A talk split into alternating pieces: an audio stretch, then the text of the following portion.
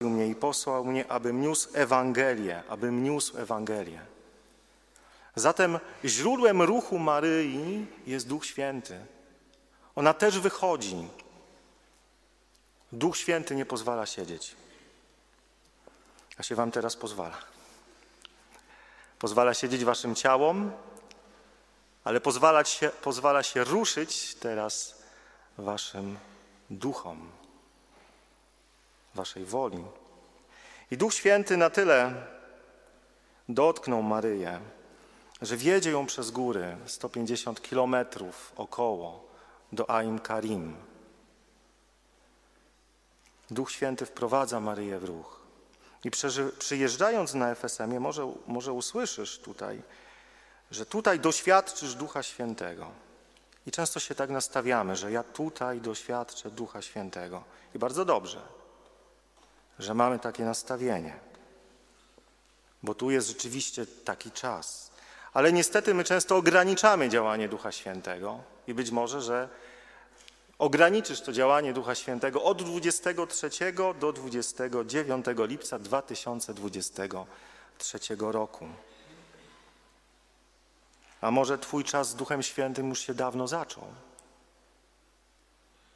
Może Twój czas spotkania Ducha Świętego zaczął się na początku Twojej drogi tutaj na Kalwarię. Teraz mówię o czymś, czego możesz w ogóle nie czuć. Może nigdy tego nie odczułeś, nie odczułaś. Ale Duch Święty działa bardzo intymnie, działa w Twojej woli. Kiedy podjęłaś, podjąłeś decyzję, by tutaj przyjechać na ten FSM, to ten FSM zaczął się w momencie, kiedy Duch Święty zainspirował Cię do tego, by tu przyjechać. On już trwa. I nawet jeżeli gdzieś pojawiał się grzech w Twoim życiu, jakieś upadki, to w momencie, kiedy podjąłeś tę decyzję, zacząłeś ten FSM.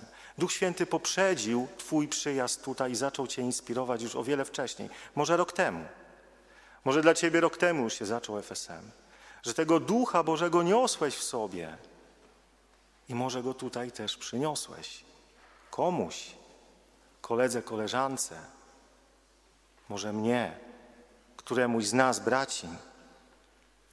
I być może, że my dzisiaj potrzebujemy bardziej usłyszeć to, że jesteśmy nosicielami Ducha Świętego, Bożego życia. Skoro tutaj przyjechaliśmy i podjęliśmy decyzję, by tutaj przyjechać. Maryja otrzymała Ducha Świętego jeszcze przed apostołami. Ona już wyszła, by nieść Jezusa innym. I to jest dobra nowina dla Ciebie, dla każdego z nas.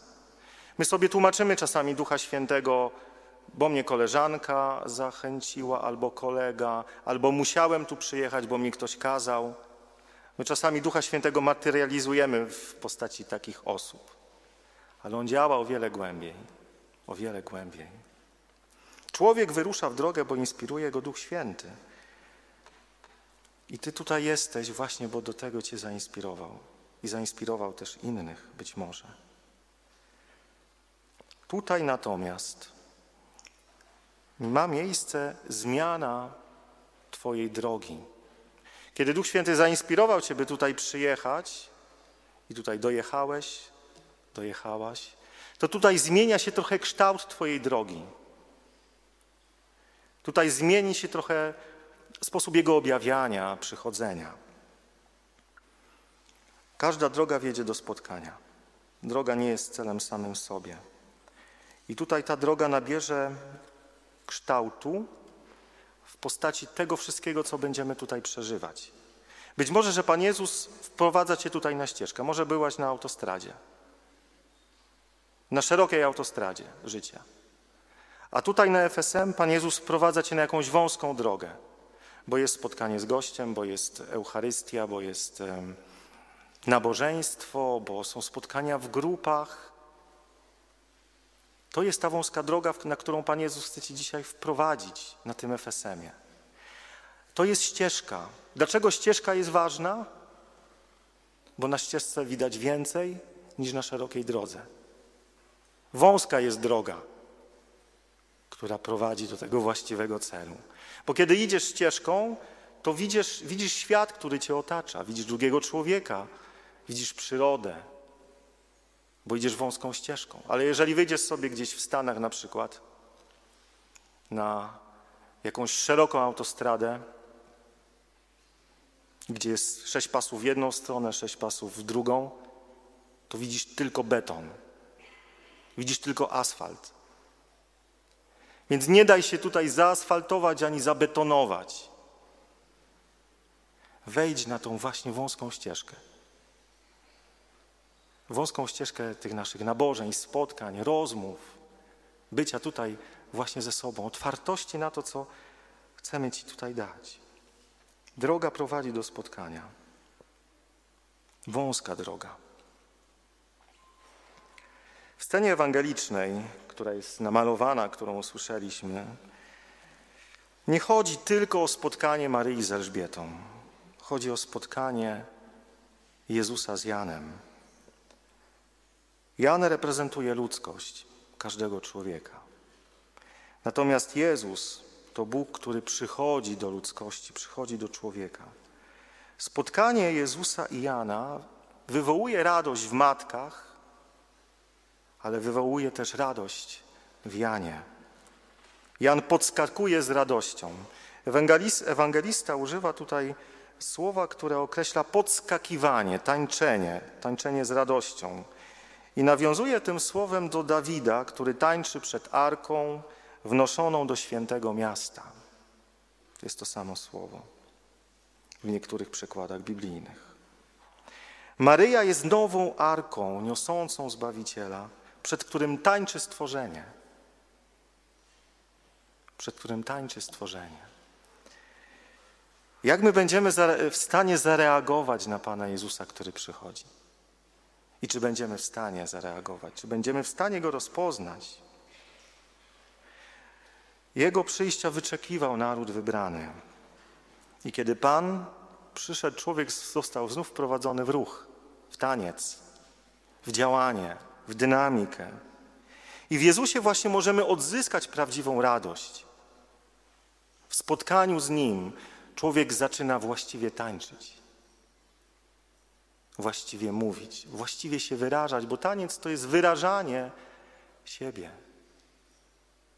wyrażanie jakiejś dynamiki, ale wyrażanie porządku. Bo jak ktoś umie tańczyć, to wie, że taniec musi być osadzony w muzyce, w rytmie.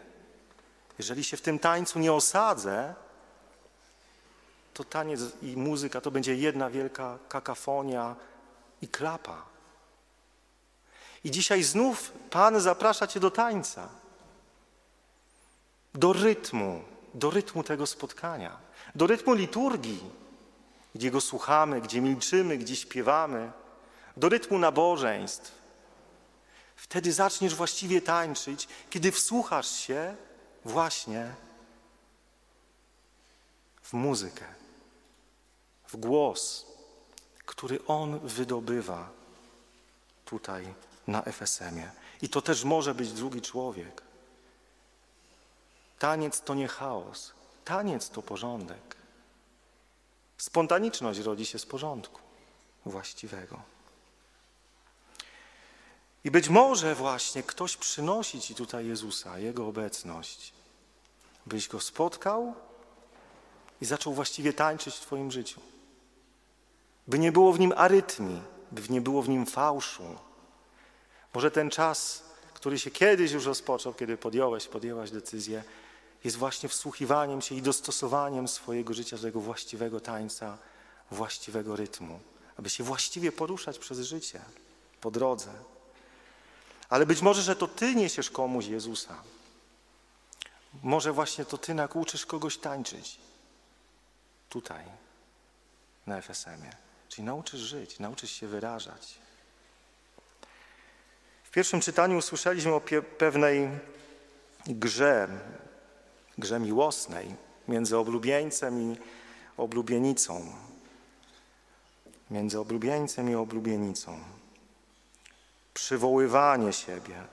Oblubieniec przywołuje oblubienicę. Oblubienica wychodzi naprzeciw oblubieńca. Oblubieniec i oblubienica w Biblii są symbolem Boga i człowieka, Chrystusa i Kościoła. I miłość, w miłość, w miłość wkomponowana jest tęsknota. Tęsknota za sobą, wzajemne przyciąganie. Kto się kiedyś zakochał, to wie, jak to silnie działa na człowieka, jak przyciąga, jak zauroczenie, miłość przyciąga. Oczywiście nie mylimy miłości z zauroczeniem. Ale te dwie rzeczywistości w jakiś sposób też się dopełniają. Dlatego oblubieniec woła, by oblubienica ukazała swą twarz. Ukaż mi swą twarz. Daj mi usłyszeć swój głos. Chrystus mówi to do swojej oblubienicy, do Kościoła, do nas. Ukaż mi swą twarz. Daj mi usłyszeć swój głos.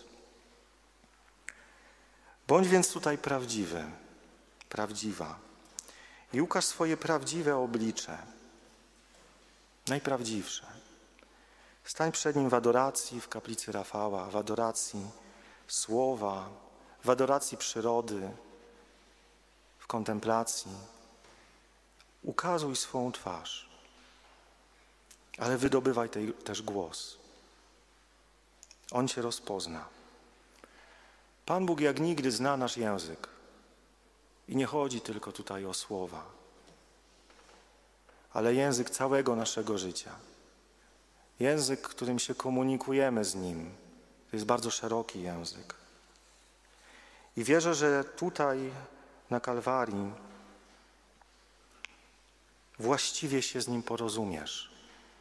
Właściwie zaczniesz tańczyć. Właściwie zaczniesz przyjmować i dawać. I niech już ta liturgia nas tego uczy. A to, co teraz się zapoczątkowuje, niech trwa w każdym miejscu tu w Kalwarii, ale też w każdym miejscu Twojego życia.